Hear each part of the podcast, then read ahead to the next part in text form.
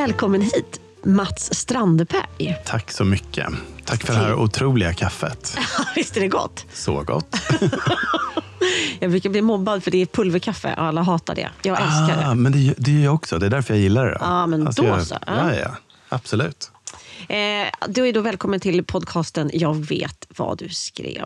Och med dig är det inte en lögn heller. Nej. För vi faktiskt ska avslöja att någon jag har intervjuat här har jag faktiskt inte haft så himla bra stenkoll på initialt. Mm. Innan jag bjöd in gästen, sen får man ju det. Men, men vi går ju verkligen superlångt tillbaka. Mm, verkligen.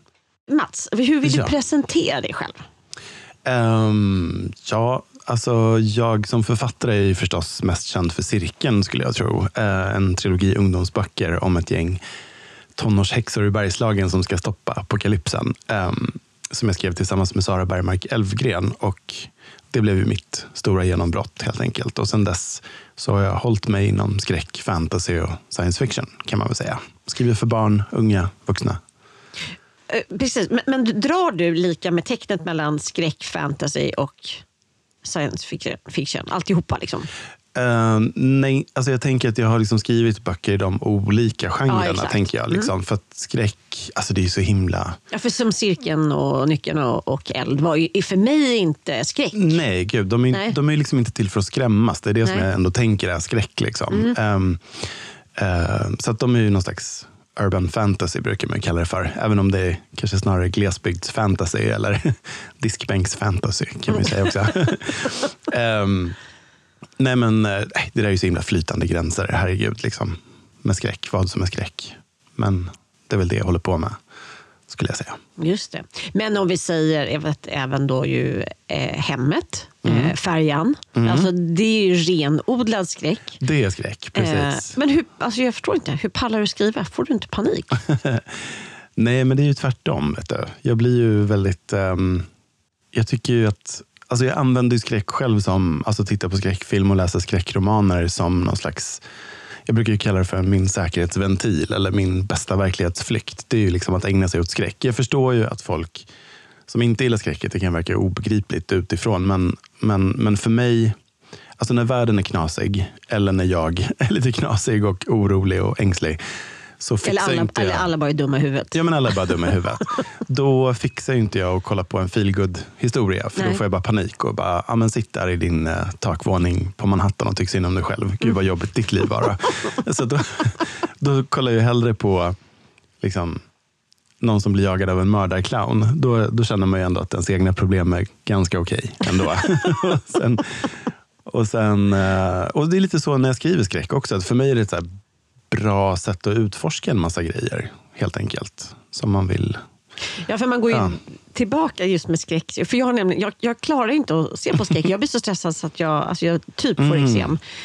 Men jag är så fascinerad över att du orkar hålla kvar då i de känslorna. För det är det man måste göra. Ja, precis. Jo men verkligen. Och det är också... Eh, jag är ju ganska mesig. Man måste ju vara lite sadistisk när man är skräckförfattare helt enkelt. Så att liksom, första versionen brukar jag vara lite för snäll mot mina karaktärer. Just när man håller på att lära känna dem. Liksom, och sådär, så att jag får liksom skriva in skräcken lager på lager sen.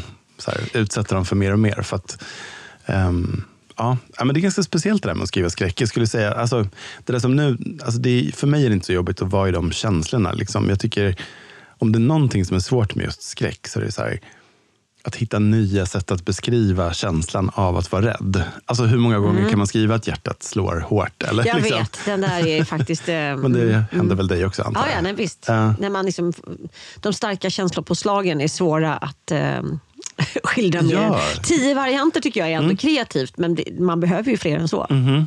Men du, har du, jag måste bara fråga, har du sett konferensen?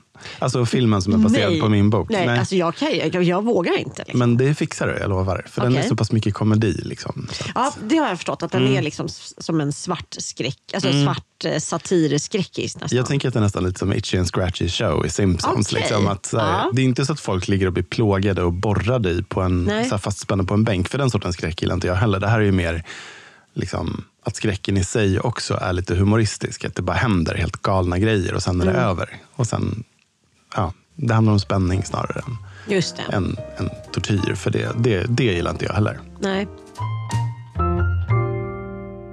jag tänker också med, eh, för jag har ju haft lite liksom, utmaningar med att till och med bara skriva om mörka saker. Alltså Mm. så här, ja, men obehagskänslor. Så där, så att, Mm. Vilket gjorde att när jag började skriva de här jävla Marianne Jihdoff-böckerna som är urhärliga på ett sätt, men det är mest för att när det blir för jobbigt så tycker jag ja, men nu tar vi fram lite ost och vin och så tar vi det mysigt och kollar på något gulligt. Där blir jag ju... Eh, ja. eh, Kolla på men, Emil Lönneberga. Ja, typ, men- tror jag. trivselfascist brukar Mm. jag kallas.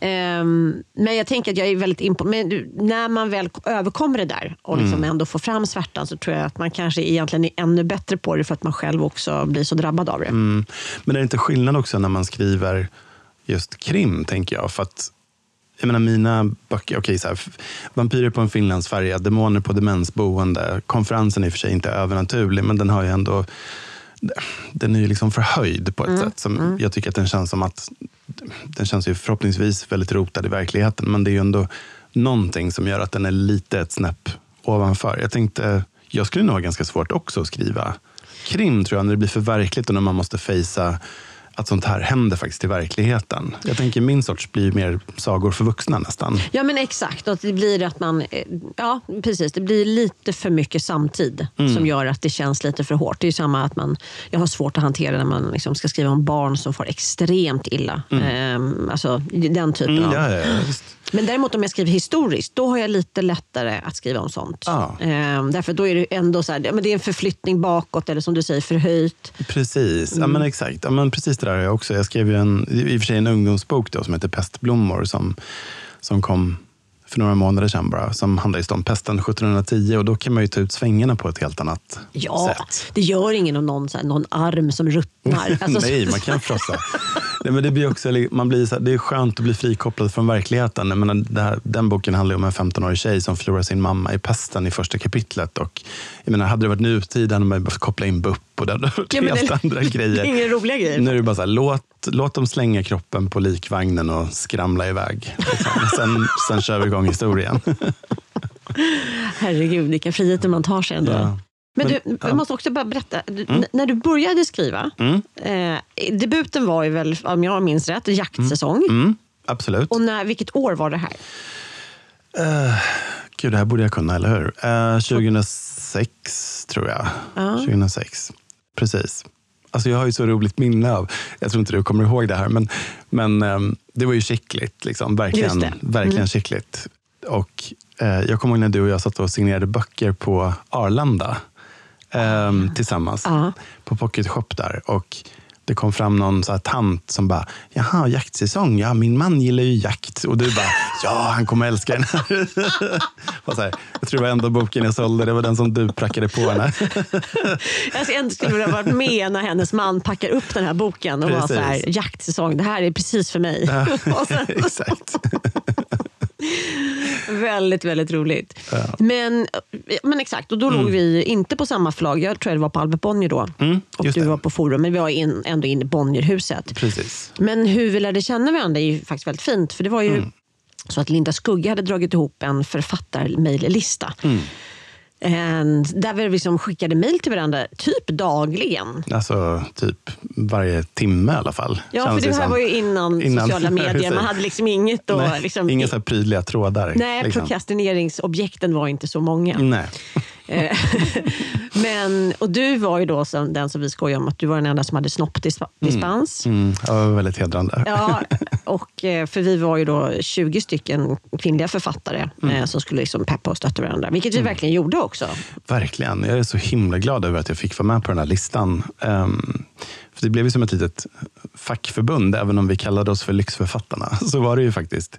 Ehm, Ja, men vi jämförde avtal. ja, Vi pratade exakt. om, så här, men jag blev intervjuad av den här journalisten, det kändes jätteobehagligt, det var Mm. konstiga frågor, var fokus på allt annat än boken. Eller, Mm. Det var liksom olika... ehm, Gud, verkligen. Och det var ju precis också innan många av oss slog igenom stort. Ja. Jag, menar, jag gjorde inte det förrän långt senare, men liksom du och Läckberg och Åsa Larsson. Och det var ju liksom, vi, alltså, alla behövde den där listan väldigt mycket just då.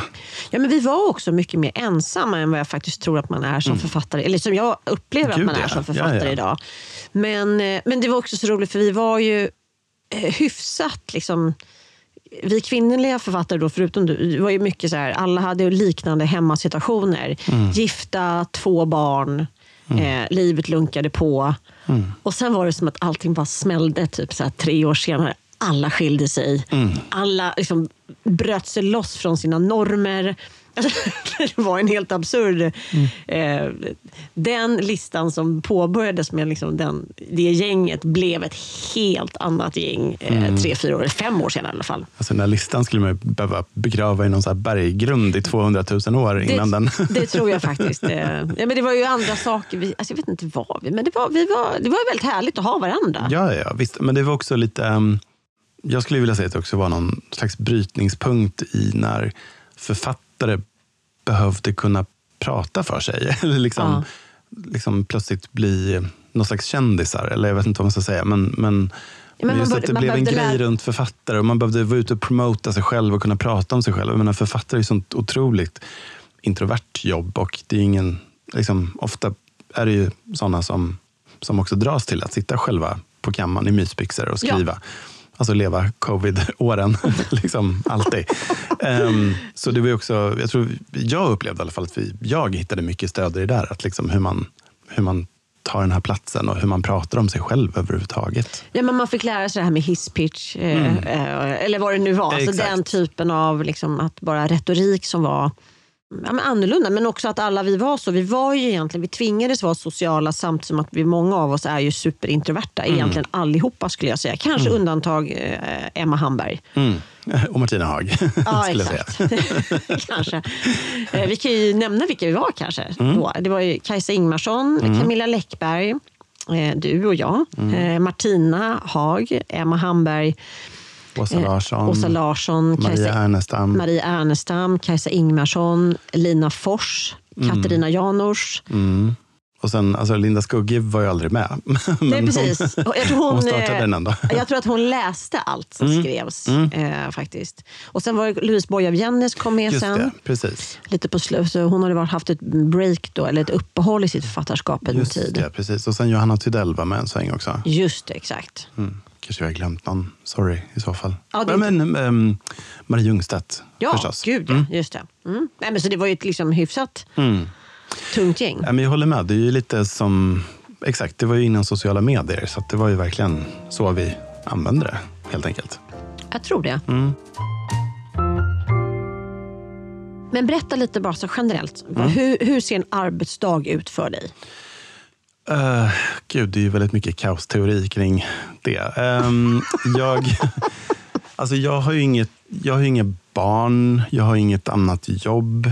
Ehm, jag har en man som också jobbar som författare och skådis. Så jag, har ju liksom, jag kan ju verkligen släppa förtöjningarna till verkligheten på gott och ont. Så, så att, ehm, Så som jag också kan numera, i Ja. och med att mina barn har flyttat. Ja, så att jag, exakt. ja. Nej, men så, ibland, till exempel den här boken nu, av något skäl vill bara bli skriven på nätterna. Så att nu sitter jag ofta att jag liksom, kanske börjar klockan elva på kvällen. Och, eh, Jätteintressant. Mm. Det, det finns ju någon logik i det, tänker jag. För det är ju, liksom, det är ju lättare att fantisera på natten. Det är därför man ligger vaken och har ångest och grubblar över grejer. Men, men, så jag, jag kan ju förstå det på ett sätt. Då, att eh, Det är lättare att fantisera när det är mörkt ute och telefonen inte ringer och allt det där. Men, men eh, ja, det är inte toppen för ens sociala liv direkt. Nej. Det kan man inte säga. Men det är väldigt mycket kaos just när jag skriver första versionen av en bok. På Det- vilket sätt kaos?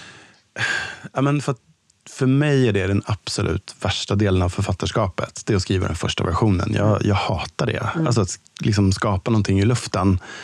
Och den ja, men självtvivlet, självhatet som, som liksom är så här, vad håller jag på med? Blir det här bra? Kommer jag få ihop det? Tänk om det är en dålig idé? Tänk om det är en bra idé som jag bara kommer att slösa bort på att vara dålig? Alltså allt det där. Eh, jag tycker det är fruktansvärt. Alltså, Jag tycker om när man kan visa upp det för vänner man litar på och för sin förläggare. Och i mitt fall då Johan som jag är gift med. Ehm, och liksom få feedback. Och då är jag ganska okänslig och då vill jag bara liksom ha all feedback jag kan få. Och sen har man den här degen som man kan börja jobba med. Liksom, det tycker jag är roligt. Då börjar det kännas som ett hantverk Ja. äntligen. Eh, och då är jag ganska strukturerad faktiskt. Då är det lite mer 9 till 5 och och sådär. Men, ehm, Ja, men jag är nog väldigt lik dig där. Ehm, det är också, man vet också att den första versionen av oavsett vad man skriver kommer bli rätt dåligt. Man kan ha liksom någon scen som man känner att den här sitter rätt bra. Men generellt så är liksom det kan bra att veta för folk som inte skriver och som kanske vill skriva. Men det är verkligen så här, det första man skriver är verkligen inte the shit. nej. Det är liksom, den som säger det, den- har liksom inte redigerat tillräckligt bra tycker jag. Nej, exakt. Ja. Nej, men och det är ju inte konstigt att många ger upp liksom, när de försöker skriva en bok, för det är ju väldigt plågsamt. Mm. Ehm, och jag kan tänka mig då om man inte vet hur mycket arbete som återstår när boken är klar inom situationstecken. Mm. Då, det är klart, alltså jag, jag kämpar ju fortfarande med det där att bara försöka stå ut med hur platt det blir och innan man har lärt känna karaktärerna och får dem att börja snacka och, Och, och låta leva. på sitt eget sätt. Ja. Men leva, det är ju det som är... Ja, ja. jag tycker det är otroligt jobbigt. Men också den här kontrasten när man har gått och sugit på den här förväntanskaramellen kanske flera år liksom, och bara äntligen ska jag få börja skriva den här historien. Jag har så mycket bra idéer och har så mycket bra tankar om den, vem den här karaktären är. Och sen försöka stå ut med att det inte bara går att tanka ut ur hjärnan in i datorn på en gång. Utan Ja. man måste sitta där och bara kämpa på. Ja, men för det är ju så, det är precis som du säger, för man har ju liksom en uppsjö, i alla fall tror jag de flesta författare, man har en uppsjö liggande jävligt bra idéer, Mm, karaktärer. Det finns liksom långt bak. Och sen så vid olika tillfällen så ska man plocka fram en och en i taget och liksom Mm. förvalta det här. Men det är ju liksom jag tycker att det påminner väldigt mycket om en typ första dejt Mm. eller en första, när man ska lära känna, nästan ännu mer så, lära känna en helt ny kompis. Och där samtalet inte flyter på. Mm. Ja, ja, exakt. Och man bara, åh, det, alltså det är så, Exakt, det är aha, och så så det Helt känns. Mm. olika så här, referenspunkter. Man säger så här, men, ja, men det är ungefär som Simpsons. Bara, Nej, jag har inte sett Simpsons. Nej. Allting faller. Det Mm. Jag vet. Ja. Om man så här, överanalyserar varenda grej i huvudet innan man Ah. säger högt. Liksom. Ja. Men nu, nu kanske det är för att, jag, för att vi snackade om den här listan, men jag kommer Mm. ihåg på någon av våra träffar så, så pratade vi om en grej som faktiskt har hjälpt mig att vara lite mer förlåtande mot mig själv i den här processen. Och det är någon som, någon av oss, kanske till och med var du, jag kommer inte ihåg, men någon som pratade om att som författare så är man antingen en oljemålare eller akvarellmålare. Kommer du ihåg det här? Det tror jag var Kajsa Ingemarsson. Ja, det, kan, ja, det låter lite som Kajsa. Du har Ja. det. Ja. Nej, men just att om man är som vi, du och jag, alltså, så, så är man ju liksom... Man ritar upp bilden ungefär som den ska vara med någon slags kolkrita och bara, "Åh, ja, det här är jättefult, men, men det kommer att bli någonting sen. Man försöker intala sig det. Och sen håller man på och jobbar så lager på lager, lägger till, tar bort, liksom bygger upp alla skuggor och ljus och färggrejer. Men att andra författare är ju som akvarellmålare, att det liksom blir ganska rätt från början. Att de sitter och gnetar och petar och fixar. Och sen blir det ett fantastiskt kapitel och sen går de vidare till nästa och sen håller på. Liksom. Och det kan ju se avund, avundsväckande ut på håll. Liksom. Men, Ja, exakt. Fast eh, ja, för mig är det också, om jag nu ska vara liksom hårdrare, oavsett Mm. om man skriver superlitterärt eller om det är mm, poesi eller någonting. Det känns som ett lite förlegat sätt att arbeta på. Ja, alltså, jag tycker det är svårt. ehm, jag tror det kanske beror på vilken sorts bok man skriver. Men jag tror om man skriver att det handlar mycket om, alltså om det är plottdrivet och om, um, jag menar nu skriver jag skräck och du skriver krim så. Men, men jag tänker, vi har ju ändå mycket att man jobbar mycket med ledtrådar och planterar grejer och bygga upp stämningar och En tydlig dramaturgisk linje. Liksom. Ja, men precis. Och liksom att hitta den överhuvudtaget. Så jag vet ju också att det skulle bara vara bortkastat för mig om jag skulle sitta och pilla med det där kapitlet i all oändlighet. För jag kommer ändå behöva kasta ut så jävla mycket. För jag kommer på sen att så här, nej, det där måste flyttas dit. Och då kommer hon att tänka helt andra saker Det måste finnas en blå bil med där så att Ja, ja, men exakt. Mm. ja, men exakt. Hur länge jobbar du då den, på en natt till exempel? Vad är din... Ehm, nej, men det är ganska olika. Fast jag har lärt mig att det brukar inte vara så stor idé för mig att sitta mer än kanske tre timmar. Utan jag skriver ganska fort. Mm. Just för att jag vill bli av med det, för jag tycker det är så jobbigt. Den här första versionen. Så att, ehm, om jag skriver fyra, fem sidor så är jag jättenöjd. Liksom. Det Och Då här- håller jag inte på mer. Nej, och det här är så sjukt intressant. Alltså, det är någonting med de här tre timmarna. Mm. Nästan alla författare jag eh, har intervjuat och även eh, mig, jag själv också, är ju Mm. att tre timmar är vad man liksom komprimerat kan sitta. Sen kan du sitta och pilla och läsa det Mm. Absolut. du har skrivit. Men att sitta mer än tre timmar eh, sammantaget, det går nästan inte. Mm. Nej, nej. Det skulle möjligtvis vara på slutet, när man liksom inte har några Ja, då har vi... valmöjligheter kvar. Utan då Nej. måste man bara liksom... Precis. Det är det där.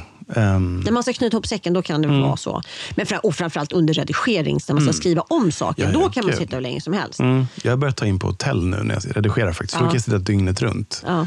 i en vecka i sträck. Det är superskönt. Det är, ja, ja, jag brukar faktiskt åka till Mallorca. Mm. Ehm, Det är en väldigt, väldigt bra grej. Ehm, Men jag har insett också att min man är min musa. Mm. Jag behöver ha honom i rummet när jag skriver. Okej, okej. Vilket är så oskönt. Vad för att han, jag vet, fast han säger åh nu ska vi vara på semester. Aha. Och jag bara, fast nu när du är här så...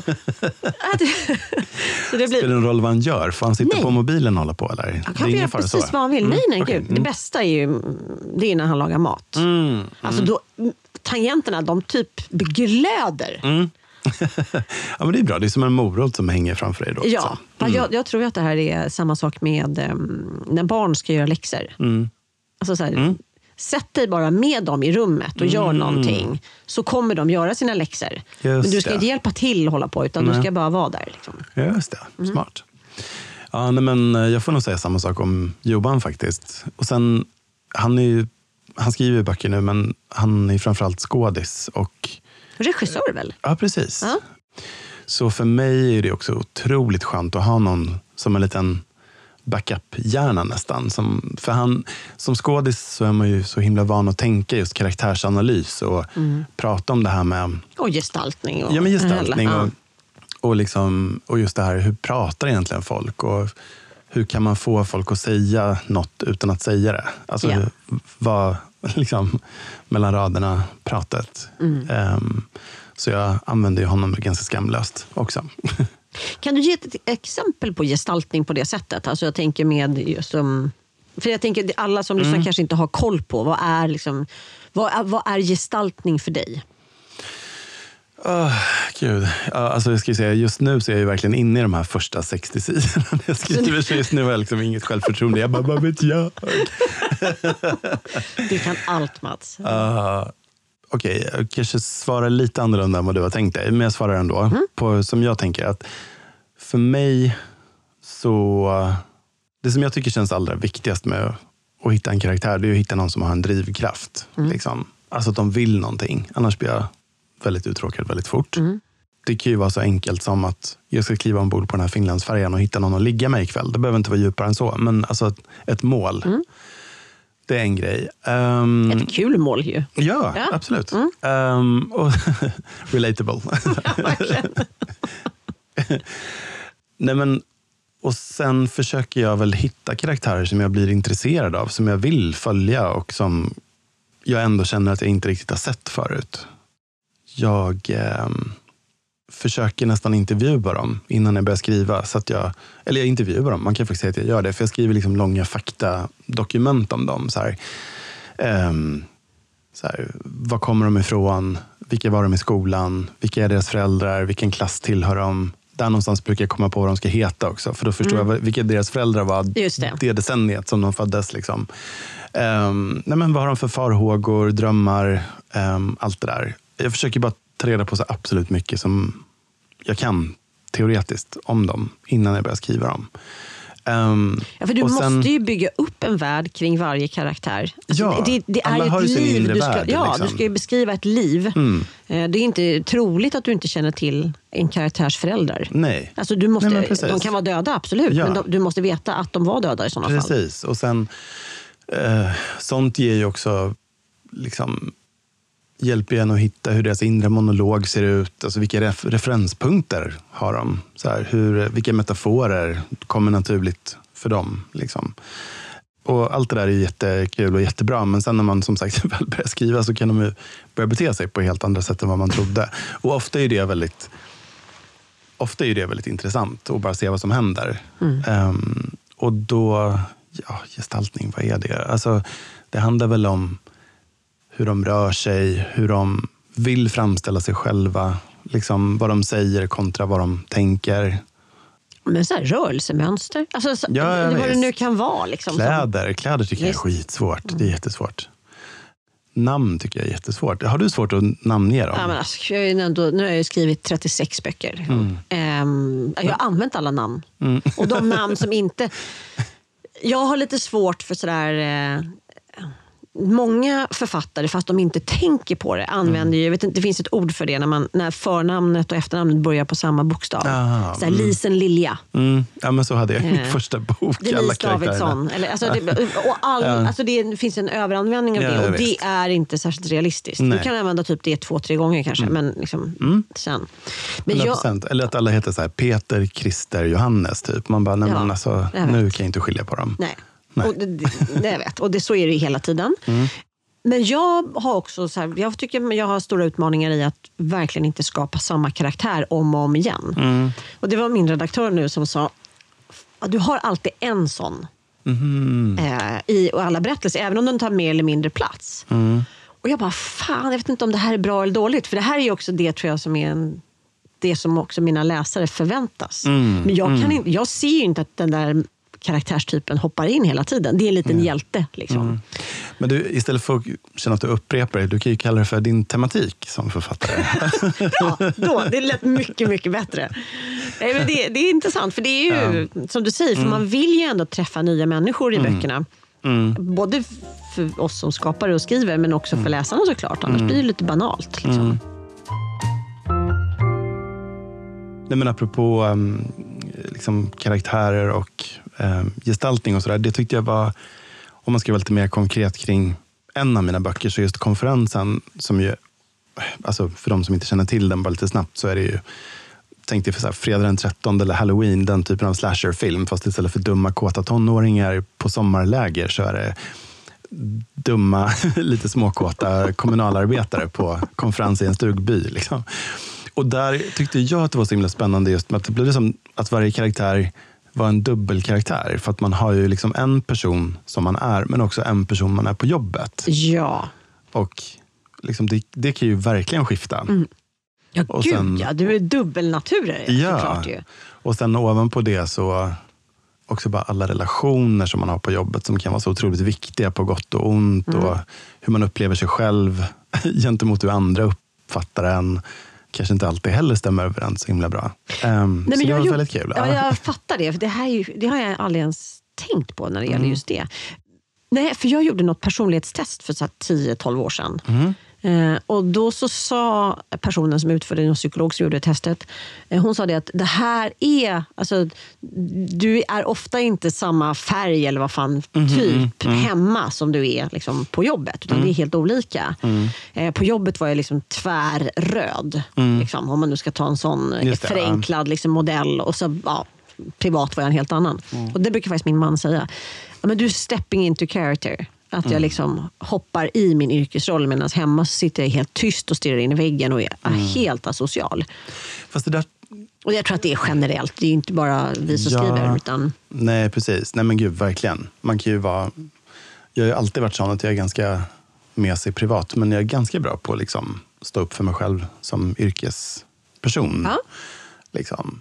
Men, ehm, men jag tänker också den där dubbelgrejen kanske, för det är ju väldigt skillnad tycker jag, kvinnliga och manliga författare. Alltså hur vi, vad vi förväntas prata om i intervjuer. Jag vet inte, Ja. har det blivit bättre? Liksom? Eller, för förut var det ju väldigt mycket det att jag kan förstå om man tar på sig en persona för att sitta i de här glossiga magasinen liksom, och vara författare Denise. Liksom. Jag behöver ju ändå bara prata om mina böcker på något sätt, liksom, oftast. ja, alltså jag vet inte hur många gånger jag... Nu har jag, ju- jag, jag har ett favoritämne och det är skilsmässa. Jag tycker Mm. det, är liksom, det finns en spänning i skilsmässan som fenomen. Mm. Så det har jag ju fått prata jättemycket om. Och jag var ju också programledare för något som heter Skilsmässohotellet.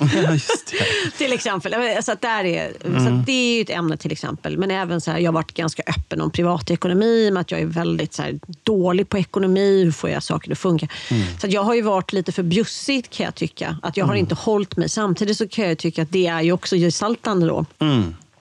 Men till, till en viss grad. Mm. Alltså när man blir inbjuden i sammanhang när man verkligen vet att nu är det min bok eller mitt skrivande det ska handla om. Mm. Och sen så handlar det om helt andra saker.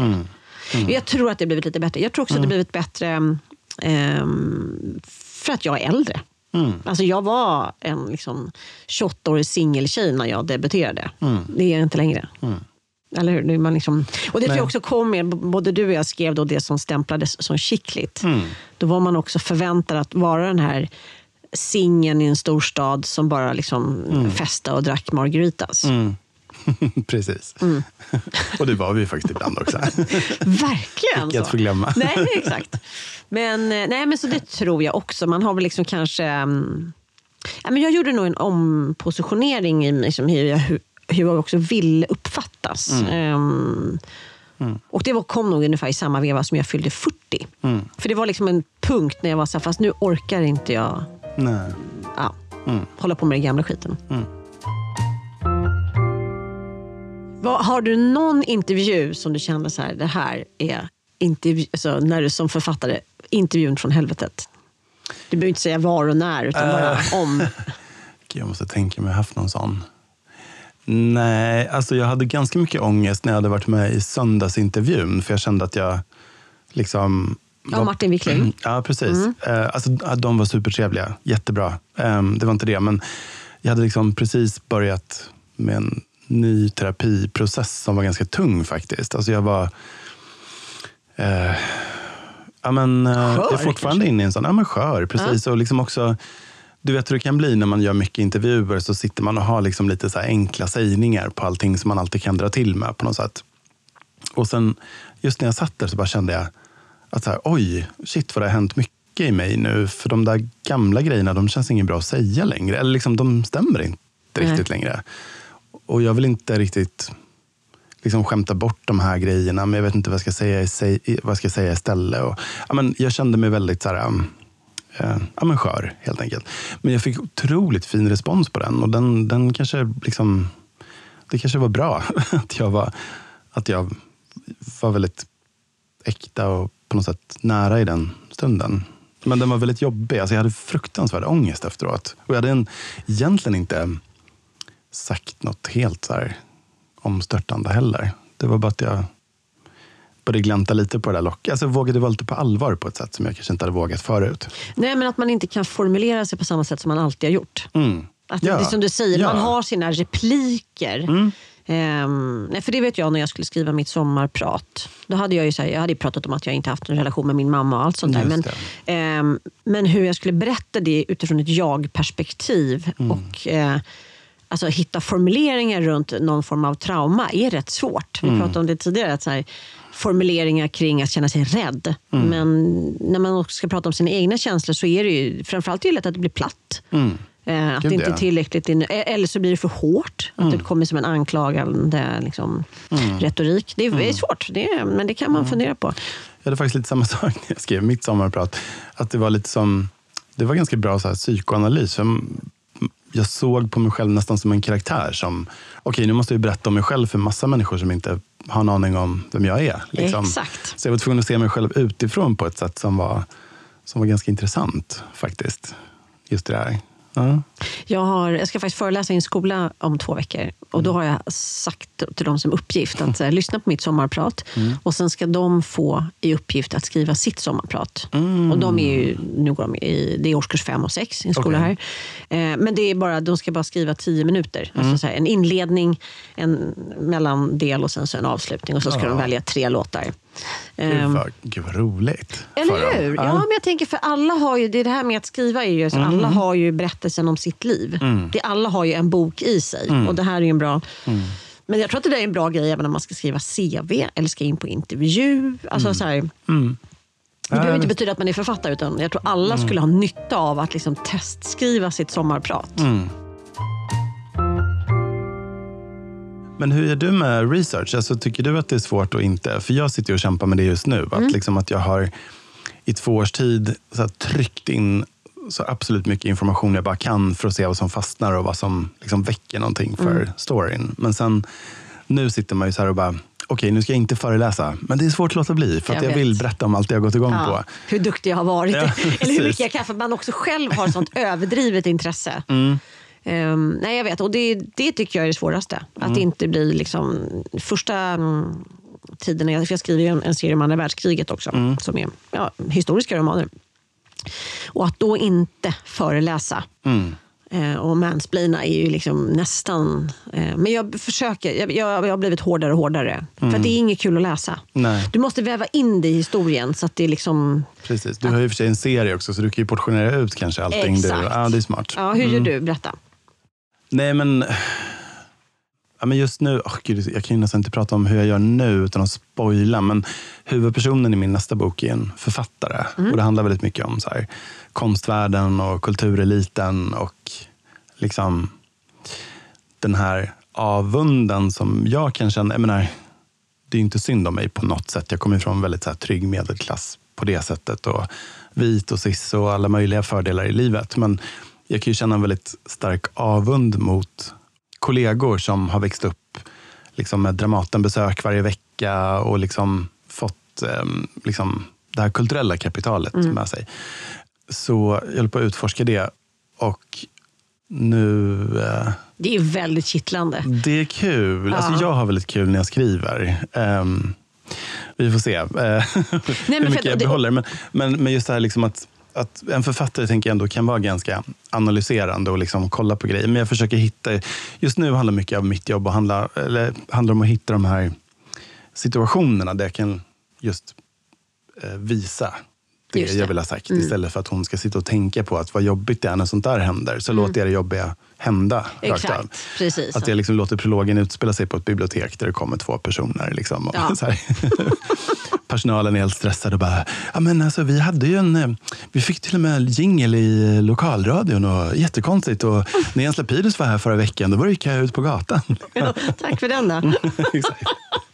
Det är otroligt. Det måste finnas så mycket härlig situationskomik i det i sådana fall. Ja, men jag hoppas det. Jag hoppas det. Men, eh, ja, men jag har hittat mina små trick. Men, men jag tycker det är svårt. Liksom. Så jag bara Mm. Nej, är undrade väldigt om du svårt. hade något eh, så här klatschigt. Nej, utan alltså fördelen med i och med att jag först skriver den om 40-talet och sen så nu om 70-talet. Mm. Det, det får ändå vara liksom att de knäpper på radion och sen är det en nyhetssändning. Mm. Det, det låter lite töntigt. Men det funkar ganska bra för då kan jag verkligen liksom Mm. köra. Mm. som en snabb resumé. Eller att de öppnar tidningen på morgonen och bara, ja, vad det nu kan vara. Ehm, men sen tycker Mm. Men jag så lust- ser livet ut också. Så jag Ja. tycker faktiskt att det är helt okej. Ja. Jag tycker inte det är så fuskigt. Nej, men man måste ju hitta sina. Men Mm. jag tycker det är bättre än att sitta och låtsas att karaktären tänker på det. Mm, men, men jag tycker det däremot är jäkligt lustigt. Vad är liksom, vilka grejer det är som fastnar när man gör research? Verkligen. Har du några så här extra, så här, vad är det som, som sätter sig? Det är som så här, Eh. så här kontaktlim, liksom, man bara får inte loss det. Ja. Men det är ju helt olika förstås. Men jag har upptäckt att jag tycker väldigt mycket om arbetsbeskrivningar. Alltså, det låter jättetråkigt. Men, men när jag gjorde research för Färjan, som ju, som, ja, den handlar om vampyrer på en finlandsfärja helt enkelt. Ehm, där, under mina researchintervjuer så blev jag mer och mer fascinerad av de som lever ombord och hur deras vardag ser ut. Och liksom hur, hur man hanterar att hela tiden möta folk i deras värsta tillstånd på något sätt. Ehm, Ja, men såklart ja. och, och liksom machokulturen som finns ombord och den här strikta hierarkin. Och, ja, men en grej som fastnade hos mig, ganska, för jag var så rädd för att det skulle verka som att jag hade klassförakt när jag skrev den här boken. Jag ville ju liksom att de här karaktärerna skulle de skulle känna som att de verkligen ville åka på Finlandsfärja för att ha kul. Liksom. Och, och, liksom, och att göra dem till hjältar, helt enkelt. Den här liksom, schlagerbruden med stora tuttar och Svandunsboba som alla bara, "Ugh, trash. Alltså att hon skulle få vara den coolaste av alla. Alltså Just hon det. skulle liksom vara med och rädda världen. Men att... med att man respekterar alla karaktärer. Ja, är- ja men precis. Och att, um, jag menar, någonting som jag fastnade för där var ju till exempel att när jag frågade folk som jobbade, så här, vad, vad är det värsta? Liksom, eller vad är jobbigast? De bara, nej men alltså det är klart folk kan vara skitjobbiga och det kräks överallt. Ja, absolut. Liksom, och folk slåss och allt det där du kan tänka dig. Men det som de tyckte var jobbigast var liksom lite så här Östermalmsfolk eller så här mediafolk som åker på lite så här Svensson-safari som en ironisk grej. Och är så jävla jobbiga och Ja, det låter väldigt, väldigt Ja. grisigt faktiskt. Och det kan man ju fatta. Liksom. Verkligen. Så det var en sån här typisk grej som jag byggde en del kring. just. Nej, för det var ehm, min vän Hugo Renberg, eh, som är då chef för Perfect Guide och vi har skrivit tre böcker ihop. Men alltså, du, får liksom, du måste ju sitta på dina händer för att inte hata på liksom, Östermalms man, 50 år, backslick, jobbar i finans. Mm. Jag bara, nej jag vet. det, det, är liksom, det går inte, jag kan inte alltid. Jag har svårt att skriva dem i kärlek Mm. och ändå lever jag bland dem. Fast det där kan ju vara helt underbart tycker jag, när man liksom hittar ett sätt att ehm, Ja, för jag tänker just hur lätt det är att raljera över Ja. någonting som är så tydligt att det borde raljeras över. Precis. Och liksom... Ja, gud, det är så många lager i det här. För jag menar, samtidigt är ju folk, folk är ju ganska stereotypa. Det är ju du och jag också. Ja, Eller liksom, ja. jag menar, de flesta av oss är ju så himla överdrivet mycket en typ så att det nästan skulle vara svårt att skriva om oss för att det skulle bli så här överdrivet. Det här är inte trovärdigt. Nej, exakt. exakt. Det här är Känner ju- onyanserat och känner man ju svartvitt, varje dag man läser nyheterna. Bara, Okej, hade jag skrivit en dystopi hade ju ingen trott på det här. Liksom. Men, eh, men just med karaktärer, jag kan tycka det är så underbart när man, när man ehm, skriver om någon som absolut är skitjobbig och odräglig, men som man ändå hittar deras liksom, bevekelsegrunder på något sätt när man väl är inne i dem. Ja, menar, det är som- jättefint. det är så jävla roligt. För jag, jag vill ju alltid att mina... Alltså, även om det handlar om övernaturlig ondska ibland i mina böcker så finns det ofta en mänsklig ondska också. Och den handlar ju ofta om ehm, så brist på empati eller narcissism eller Mm. så. Och det finns ju en karaktär i konferensen till exempel som alla hatar. Jag hatade honom också väldigt mycket när jag skrev, men jag fick också så här motvilligt ett så här, kände ändå med honom någonstans. Jag hittade små beröringspunkter där jag ändå kunde känna igen mig. Och det, det är en kille som heter Jonas som är den här sköna killen, du vet, feminist, har två döttrar, har liksom förstått det viktiga i livet, har på sig så här lilla plastarmbandet med, så här, som de har gjort. Och, Fuck cancer. Mm, precis. Snackar mycket om ehm, ja, men hur viktigt det är. Liksom. Och, och så här sköna killen som bara, fan jag fattar inte varför alla är så stressade hela tiden. Vadå? Ja, men det är så för att du går på tre timmars luncher varje dag och låter liksom kvinnor bränna ut sig genom att så här sopa upp resten efter alla dina konstiga projekt. Liksom. Han är ju fruktansvärd. Men när jag väl ändå tvingades gå in i en sån karaktär som är bland det värsta jag vet och hitta de där grejerna som bara, okej, men jag förstår honom. Jag tycker inte om honom, men jag Nej. förstår honom. Det är så otroligt tillfredsställande tycker Man jag. känner sig också så stor då. Ja. Alltså, stor, eller inte stor, man känner sig storsint. ja. Som nej, men hittar alltså, liksom, jag tycker världen, det goda liksom, i allt. Ja, nej, men alltså, ja, men någonstans så blir världen lite större på något Mm. sätt. Att man kan, ja. Alltså, nu måste jag bara avbryta. Mm. Gud vad du är vig. Ja, jag vet. Jag är lite så här What? Du knasböjlig. sitter liksom sådär. Jag är en gammal elitgymnast. Jag har aldrig kunnat sitta sådär. Alltså, du, om du nu skulle dra tillbaka ditt ben bakom huvudet så skulle inte jag bli förvånad. Mm, men jag börjar yoga, vet du. Ja, det är det. Mm. Sen har du också skrivit böcker och manus tillsammans med Sara. Mm. Berg. Bergmark Elfgren. Exakt, för hon heter ju... Det är en tongue twister. Ja, Nej, men hon, eh, hon, gör ju en, hon har ju ett annat eh, namn på Instagram. precis. Sara B. Elfgren. Ja. Exakt, det blir väldigt stressigt. Eh, och ni skrev ju eh, Cirkeln, Nyckeln, Eld ihop. och precis. skrev ni manus också till... Eh, Eh, nej, hon skrev manus tillsammans med Levana Kin som Mm. regisserade filmen också. ja? Som, som är en otrolig regissör. Som, ja, har ni inte sett hans And then we danced så har ni missat någonting Ja. otroligt. Ja. Och hans nya film är helt magisk också. Och den heter Eh, åh, gud, nu ska vi se här. Ehm, Crossing heter den. Crossing. Okej, Mm. mycket bra. Jag ska, ner till, jag ska faktiskt ner till Berlins filmfestival nu nästa vecka och gå på premiären. Så jäkla roligt. Ja. Så kul. Just det, det är Berlin nästa vecka. Mm. Ja, gud vad roligt. Ja.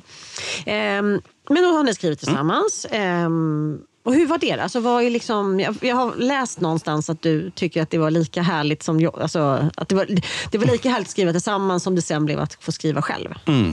Ja, men exakt. Um, ja, men så här, vi... Okej, hur ska jag säga nu då? Alltså vi, För ni är typ bästa polare också ju.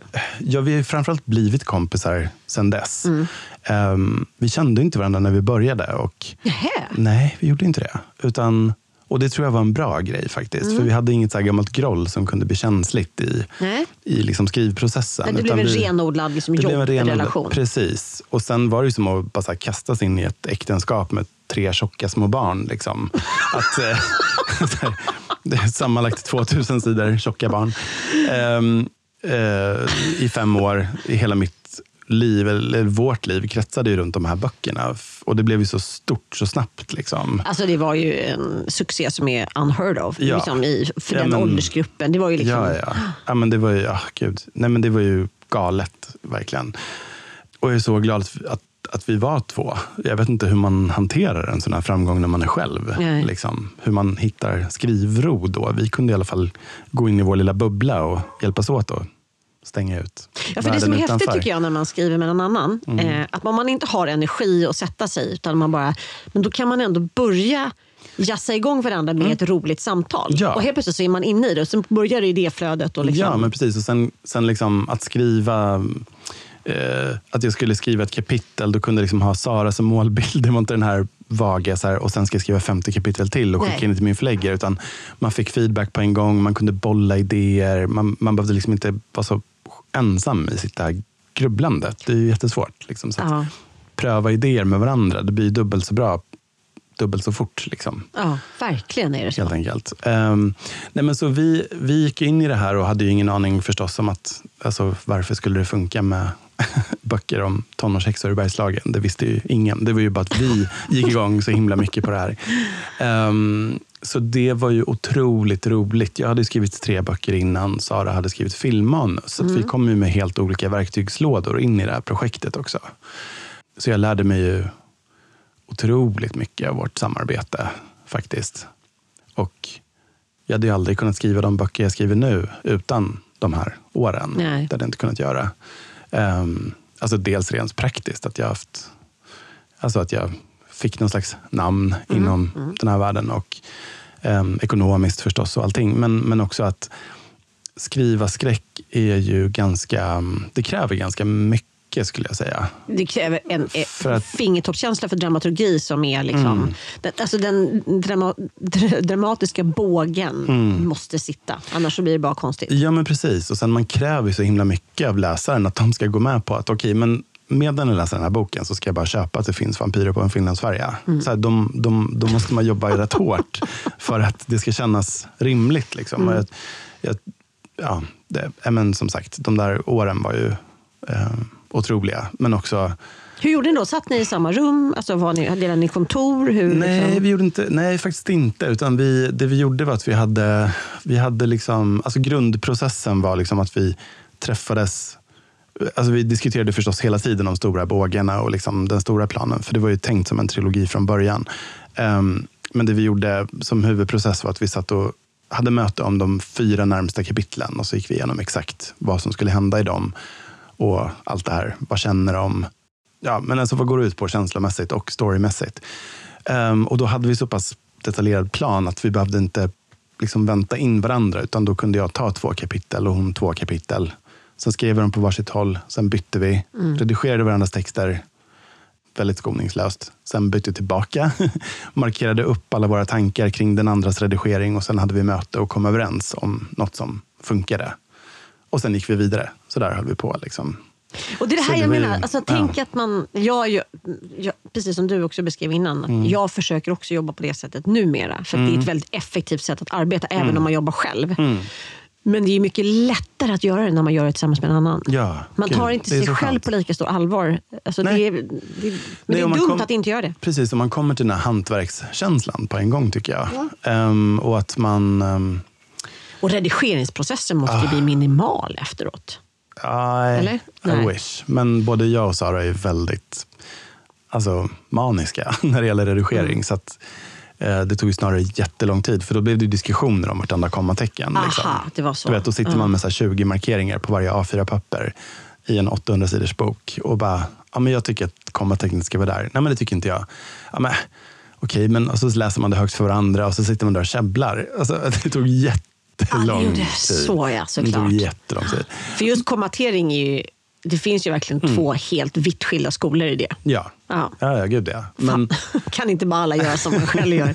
Ja. nej, men, också liksom, men ofta upptäckte vi också att det som, om vi inte kunde komma överens så berodde det oftast på att bådas idéer inte var så himla bra. Alltså så. Ja, okej. så att det som vi tycker bäst om nu i efterhand är ofta kompromisserna. Ja. För kompromisser kan ju låta lite tråkigt det kan ju Mm. låta som att ingen blir nöjd. Men för oss var det ju verkligen tvärtom. Mer gyllene medelväg. Alltså att det är verkligen ja, ja, gyllene på det sättet. Ja. Ja. men precis.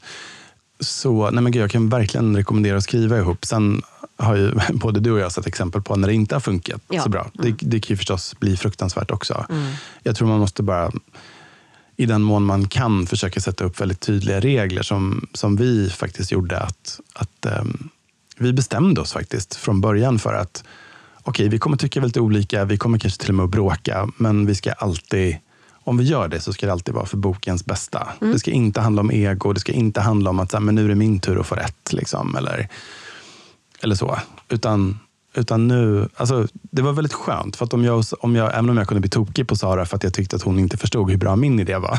så visste jag ändå att så här, nej, men hon tycker verkligen inte det. Nej. Det är inte för att hon är sur. Nej. Ehm, så okej, men då får vi bara lösa det. Liksom. Och så kan jag, jag hade ju också då en skattkista kan man ju säga med grejer som jag inte hade fått in i böckerna. Som kanske drog just åt det för skräckiga hållet eller en karaktär som, som inte riktigt passade in i våran värld. Som jag sen kunde alltså fortfarande plocka Mm, grejer ur. Fortfarande. Men sen var det ju supersvårt att gå in i eh, solokarriär. Ja, men säga, exakt. För sen skulle du liksom stå på egna ben. Mm. Alltså, det var ju skitsvårt att veta liksom, hur, eh, vem jag var efter allt det här. Liksom. För ni skrev tre böcker tillsammans, en trilogi. Precis. Och sen så skulle du liksom... Släppte du den när alla tre var, redan var publicerade? Din Mm, egen precis. första? Ja.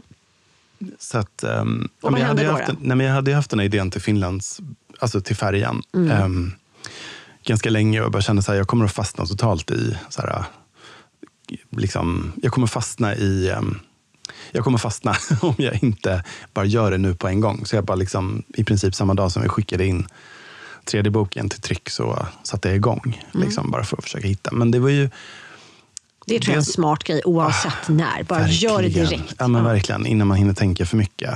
Så här, innan det hinner växa sig till ett monster. Liksom. Japp. Men det var ju, jag vet inte om du har upplevt samma sak, men just när man har lärt sig väldigt mycket. Att man liksom har plötsligt fått en ny verktygslåda. Eller liksom sådär. Man har lärt sig också vara kritisk mot sin egen text på ett helt nytt sätt. Och liksom, jättekul att göra framsteg, men samtidigt så har man inte riktigt lärt sig att göra dem till en naturlig del av Nej. sin process. Det kan också vara jättejobbigt. Ja. För då har man liksom bara det negativa. Man är, det gör dig själv väldigt begränsad. Ja. Alltså det, och du behöver ju, precis som jag sagt, det här första utkastet, Mm. det behöver ju bara flöda ut. Ehm, Men å andra sidan, min erfarenhet är i alla fall när jag bytte teknik, som jag ändå gjorde, gjorde här för några böcker sedan, Mm. så känner jag att det som kommer ut är direkt väldigt mycket bättre än det som direkt kom ut tio år tidigare. Mm. Ja, exakt. alltså det är en stor skillnad i kvalitet på det som kommer på en gång. Mm. Liksom. Exakt, och det där har jag tänkt jättemycket på. att här, Jag kommer aldrig att bli den här liksom, författaren som... Jag kommer liksom kanske aldrig att bli den mest liksom, så fantastiska så litterära författaren. Eller liksom, jag kommer kanske aldrig att nå exakt de höjder som jag vill nå. Men däremot kan man ju verkligen jobba på att höja sin lägsta nivå Ja. och hitta utveckling där. Det, det försöker jag jobba med i alla fall. Nej, men så, nej, men det var Men då satt du där med, hela, med, med typ två verktygslådor. Ja, precis. Och liksom en, en inre Sara som bara, nej, det där kan vi inte göra. nej, då. nej, men det var, det, var en liksom, det var verkligen en omställning. Så att, um, um, apropå att skriva skurkar, så i färjan så finns det ju en eh, väldigt, väldigt bitter gammal schlagerstjärna som har en hit, liksom, som är 20 år gammal. Och liksom, han har stått där på kommit tvåa i Mello liksom, och varit, varit, varit en riktig stjärna. Och nu, nu står han liksom där på och leder karaokebaren ombord på Baltic Charisma och liksom hatar sitt liv och hatar passagerarna och tycker allting är orättvist. Och det var ju verkligen, där kunde jag verkligen använda all min noja för vem jag skulle bli efter cirkeln. Du vet, så här. Det är jätteroligt. Stryka omkring och bara så hoppa på 30-åringar och bara du, du älskade säkert cirkeln när du var tonåring. Så här. Det var jag som skrev.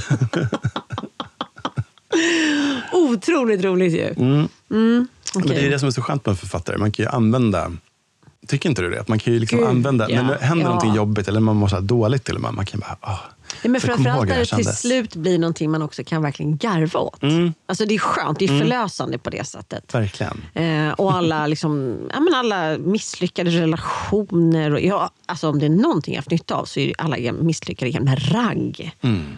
Alltså det, Mhm. det använder jag skoningslöst. Ja, ja. Liksom. Ehm, det, det tycker jag nog. Mm. Ja. Ja, men ibland kan jag bli så lite sur över att jag inte gick i terapi tidigare. I alla fall inte bra terapi. Utan att, att man bara, är det "Ah, psykoanalys du har gått nu då? jag, Nej, eller vanlig samtalsterapi. Mm. Fast en otrolig, otrolig psykolog just nu. Mm. Sitter här i sin lilla sotarmössa. Så här hipster som är så här, typ 15 år yngre än mig. Jag bara, "Åh, vad vet du om livet? Men han är så bra. Ja. Ehm, men samtidigt kan jag känna så här, fan vad skönt ändå att man, man har gjort en massa grejer som inte kanske var så jävla lyckade eller bra eller genomtänkta. Eller att man gick emot sina instinkter på massa olika sätt. Men det har också gett mycket bra material. Eller hur? Mm. Och sen så tycker jag en av de bästa sakerna som jag älskar. Jag har två saker som jag så här, går igång på. Eh, det är alltid så här revanschscener såklart. Det är liksom ofrånkomligt. Det gillar man ju både läsa och skriva. Jo, ja. Eh, och sen när folk springer, alltså löpscener. Alltså jag använder det Ah. f- alldeles för mycket.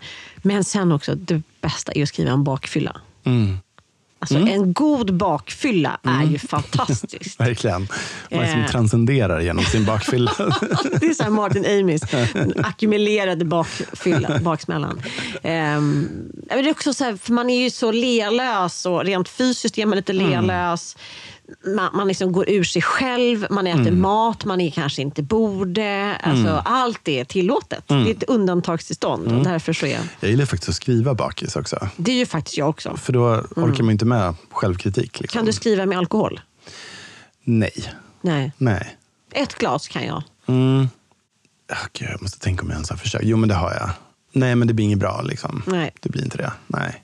Tur kanske. Jag menar, det är väl ingen slump att det är så många författare som alkoholister. Liksom. Så Nej, verkligen. Du får ju vara glad att det inte verkar funka. Men Jan Guillou säger ju det, att han dricker en flaska vin. Alltså han, han öppnar en flaska vin och sätter sig på eftermiddagen och när den är slut, då slutar, han skri- då är slutar dagens arbetspass. Okej. Ja. Det låter ju helt underbart, men samtidigt det skulle inte riktigt flyga för mig tror jag. Nej, inte. Nej. Nej. jag har ingenting emot det, jag lägger ingen värdering i det, utan bara så här, ja, jag, jag blir ju dum i huvudet. Mm. Exakt. ja, nej. nej. Jag ska inte testa den.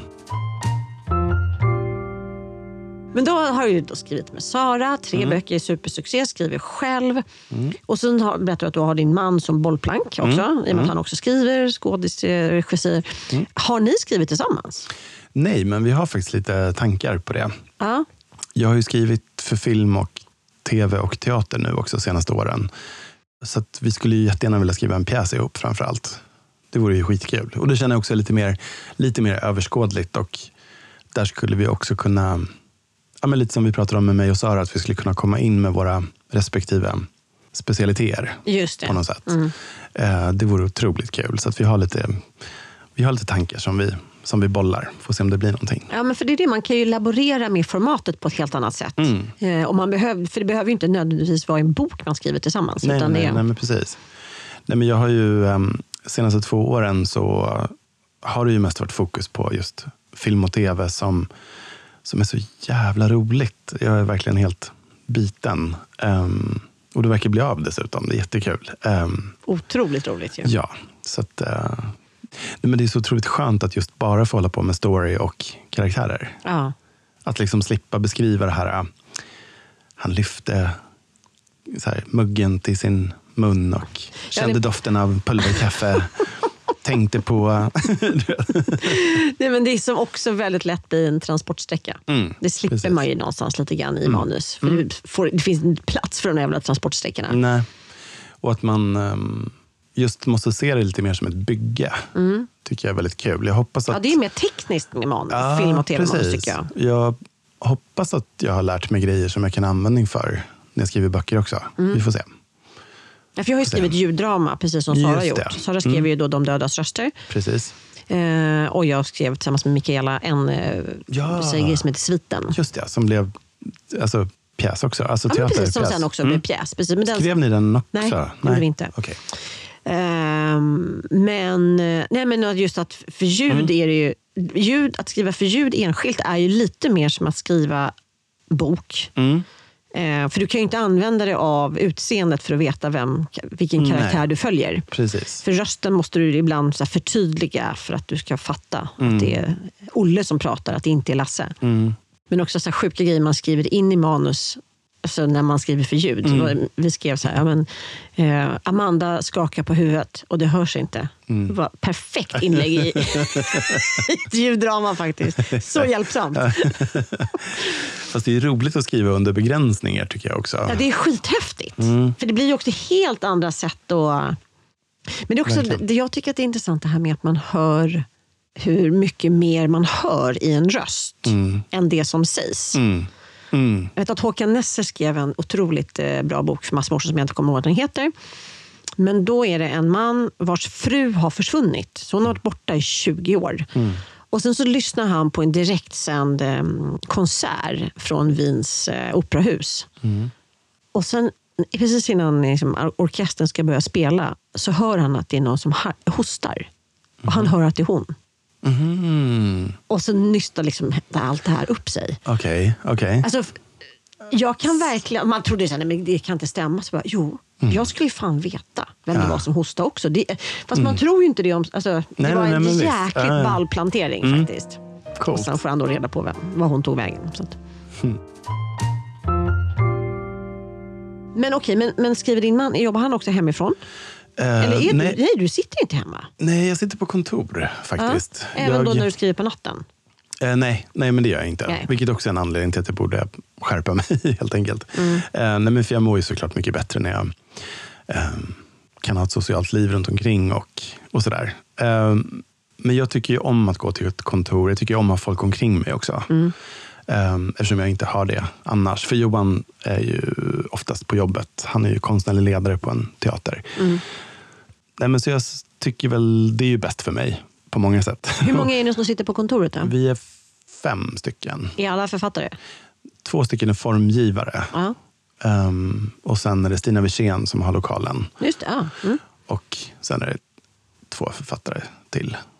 Och så. Men jag har, jag har ju väldigt feta hörlurar när folk pratar för mycket i telefon och sådär. Så jag liksom känner mig lite lätt passivt aggressiv som tar på dem. Sådär. Men eh, så får det ju vara.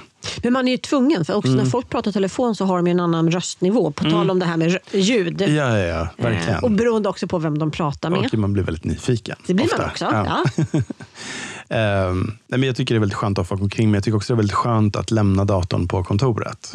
Inte ens ta med mig den. Mm. Nej. Det känns som frihet. Ja, gud, jag tar med mig min dator. Jätte, jag har två datorer. Så Mm. har en här och sen så en som jag alltid ambulerar med. Men så tänker jag men jag kanske skriver klockan nio ikväll, vilket jag aldrig gör. Mm, Men så det är idiotiskt. Man ska ju bara lämna skiten. Ja, om Ja. man ändå inte är. Precis. Det här är då, sänds ju varje söndag. Mm. Eh, så en söndag för dig. Nu, nu tänker vi att vi har suttit här och det är söndags Mm. eh, förmiddag. Mi, förmiddag. Mm-hmm. Eh, vad gör du resten av din söndag?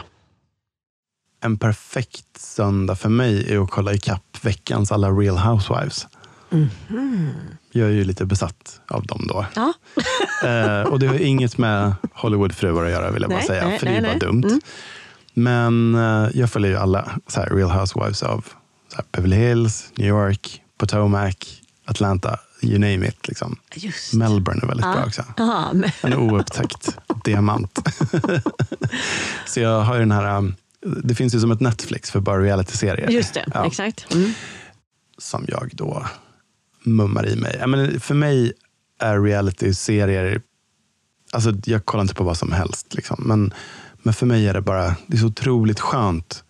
För mig är det liksom den bästa genren att bara koppla bort hjärnan.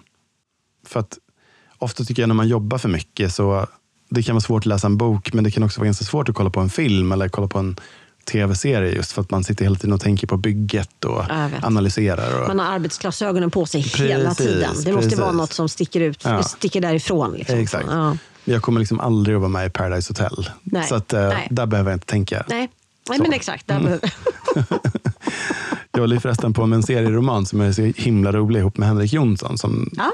tecknar just Paxböckerna av Åsa Larsson. Där där Paradise Hotel möter spanska inkvisitionen. Visst är det bra? Hur är det ens möjligt att sammanlänka? Liksom? Det går jättebra. Det är mycket blod och bikini ska jag säga. Vi har så roligt. Den kommer om nästa år förhoppningsvis. Alltså en serieroman. Precis. Gud vad roligt. Men okej, så då, du kollar ikapp. Vad gör du sen då? Eh, ja, men jag är ju rätt, fan jag känner mig så jävla tråkig nu. Jag gillar ju inte så mycket annat än att hänga med kompisar, träna lite yoga. Liksom, min man är ju grym på att laga mat, så han får gärna slänga ihop något. Eh, så. Ja, men där är jag också. Jag är, jag är personen som sitter vid köksön och dricker Mm. vin och äter upp alla chips. Och så lagar han mat. Så, det är ju urhärligt. Men det är vi är bra på att vara tacksamma. Ja, gud ja. ja. Ja. Förutom har det, jag är väldigt ärlig. Så Mm. är det någon gång att maten inte liksom han, ja, men det här var spännande. Jag bara, mm, det var lite platt. Alltså, jag, är ändå, jag är ändå hans värsta kritiker. Ja, men det måste man ju ha. Ja, jag måste utvecklas. Nej, men okej, så då, äter, men då lagar ni middag tillsammans? Mm. Ja, eller, han ja, lagar middag? Han lagar middag, jag Ja. äter den. Absolut. Kommer han på också vad han ska laga eller är det du som kommer med idéer? Men vi har faktiskt börjat med en grej nu, apropå reality. Vi kollar mycket på Top Chef. Och så. Ja, ja, ja. Um, Så nu har vi liksom börjat med att jag gör så Top Chef-utmaningar till honom. Så att jag går och handlar och så köper jag grejer som jag tänker så här, jag är sugen på det här, det här och det här. Ja. Det här kanske kunde vara gott ihop. Jag är ganska bra på att komma på så smakkombinationer. Och så kommer jag liksom hem med så the mystery bag. Så får han laga mat. Sjukt bra ju. Jättekul. Ja, För jag brukar skicka iväg recept och sånt, men det där är mycket roligare. Det, det är kul för oss båda, skulle jag vilja säga. Herregud. Mm. Det där var en jäkligt bra grej. Bara köpa goda grejer. Mm. Och så får du bara... Ja, och sen, men tittar ni på tv ihop? Eh, mindre och mindre faktiskt. För att han gillar inte mina housewives. Jag gillar absolut inte hans... eh, eller absolut, men jag, han har ju gått totalt in i Marvel och DC-världen. Så han kollar på allting. Just nu sitter han och kollar på tecknade Star Wars. Eh, alla varianter. Alltså, det låter som att ni är 11 och 12 år gamla. Ja, jag vet. Och han vill gärna berätta också. Så här, han bara, ah, men nu händer det här. Du vet. Och så måste han förklara hela mytologin. Och jag bara, Okej, är det okej Så. med att gäspa lite? Mm, precis. Men det är okej. Jag hämnas genom att berätta om mina housewives. Alltså, grejen är så här. Nu vet jag att alla, nu vet jag att all, vad alla tänker om att jag kollar på housewives. Men jag skulle vilja säga att det är ju som Tennessee Williams pjäser. Det är liksom bara... Hur då? Berätta. Ja, men speciellt Beverly Hills. Har du kollat någonting? Eller? Nej, Men aldrig. alltså, du skulle ju dö. Ja. För det första är de ju jävligt rika och supernarcissistiska förstås. Mm. Men, men liksom man känner ju aldrig att här, det är synd om de här människorna. De, de, de har liksom ett val. De behöver inte det här för pengar och så, utan de, de vill. Just for fun. Just for fun. Nej, men jag tycker det kan vara så här Shakespeareanskt ibland. Mm. Alltså, I Beverly Hills så är det ju till exempel två systrar som är med som är mostrar till Paris Hilton. Så de är liksom i hela Just den det, ja. familjen. Ehm, Ja, de har jag faktiskt mött på Va? en modevisning. Ja. Är det sant? Mm. Okej, ja. Nej, men och det är... Um, ja, men den är en, ah, nej, men båda är gam- så här, före detta barnstjärnor, supertrasiga båda två. Den ena är så här, alkoholist och narkoman. Liksom. Ehm, den andra verkar ha gått åt det helt andra hållet och är så här, härlig, rekorderlig familjetjej. Så här. Men man skiftar ganska mycket i vem som är vem här egentligen. Okej. Ehm, ja, men det är riktigt... ehm, Ja, det är en riktigt studie i människan. Ja, Ja. verkligen. Och liksom, de är ofta väldigt välformulerade, så här, smarta på sitt sätt. ehm, väldigt roliga. Alltså, ju inte- Retoriskt Retoriskt, liksom. ja men precis. Exakt. Och jag tror... Jag pratade, jag pratade med min psykolog en hel timme om Housewives. Nej, men för jag försökte förklara för honom varför jag, varför jag är så besatt av det här. Och jag tror att om man har växt upp, som jag har gjort, ehm, i en familj där, där sanningen ofta kunde vara liksom ett slags gungfly och där, där liksom olika versioner av sanningen, olika narrativ kunde liksom totalt krocka hela tiden. Och, och, och eh, ja, utan att säga för mycket. Nej, men så, för mig blir det så otroligt tillfredsställande med de här konflikterna som ofta handlar om, om den här typen av grejer, men att det hela tiden finns bevis. Just Förstår du vad jag menar? Ja, jag fattar precis. Och det ja. finns liksom reunion-avsnitt efter varje säsong där de konfronteras med så här, nej men det säger jag inte alls. Jo, här är klippet. Så. Ja, och så måste de liksom fejsa det. Jag, jag. Det här borde finnas i alla familjer helt Ja, enkelt. Ja, men det låter ju som det. exakt, Exakt. Ja, intressant grej. För sanningen är ju, det är ett jävligt intressant ämne rent generellt. Verkligen. Och nu är det ju så mycket, det finns ju riktiga så true crime-vibbar nu på säsongerna. Till exempel i Beverly Hills så, men gud förlåt, nu har du tryckt på den här knappen. Ska jag prata eller? Okej, snabbt. Jag ska bara säga snabbt. Till exempel så finns det ju en karaktär som heter Erica Jane som är så här, eh, hon är så här 50 plus popstjärna, försöker vara. Hennes man, svinrik advokat, finansierar allting. Eh, han är den här do-gooder, alltså advokaten som eh, Erin Brockovich-filmen är baserad på. Ja, jag fattar. Mm. Men sen liksom under seriens gång så visar det sig att han har liksom blåst alla sina klienter på så här class action suits, du vet, när det är såna här stora mångmiljardbelopp. Mm. Just det. Liksom. Eh, och bara liksom pumpa, verkar som, allegedly, så här, har pumpat in pengar och liksom tvättat dem genom hennes den här konstiga popkarriären och sånt där. Och sen liksom hur, ja, hur hon ska försöka hantera, alltså det är så spännande, du fattar inte. Och det, men, men drar de liksom på det i produktionen? Så att man liksom förstår att det här ja, ja, eller det, är finns, bara... det finns absolut med. så det är som liksom. ett tydligt narrativ? Det är ett jättetydligt narrativ. Ja. För då är liksom, jag vill inte bestämma det själv och säga bara allegedly, men, men så här plötsligt då när det här kommer fram så får, visar det sig från ingenstans att han har Alzheimers och han har inte förstått vad han har gjort då, absolut. Så hon måste liksom, hon måste liksom retroaktivt berätta om historien som hon har berättat i alla år i serien. Om att så här, ja, han är gammal, men han är så ung och pigg och fräsch i sinnet och vi har sex hela tiden och han är awesome. Plötsligt måste hon liksom göra det till en substory om hur jobbigt det har varit att leva med den här väldigt Egentligen. sjuka, bräckliga gamla mannen. Så här. Och, ja, Det här är ju sjukt spännande. Det är skitspännande. Aj, fan, jag känner att jag inte Du- ska börja kolla. Jag kommer, bli, Ja, men du jag kommer också bli så fast. Jag hade en, liknande, en helt annan grej med liknande format. Ehm, när jag ammade, när Mm. jag hade småbarn, så det var ju då man började sända Big Brother. ja, ja, okej. Mm. Jag såg allt. Alltså varenda, även de här, liksom Även de här live- webbsändningarna där man fick följa dem, där liksom det inte hände någonting i huset. Okej. För att de hade vinklat bort kamerorna, den nivån.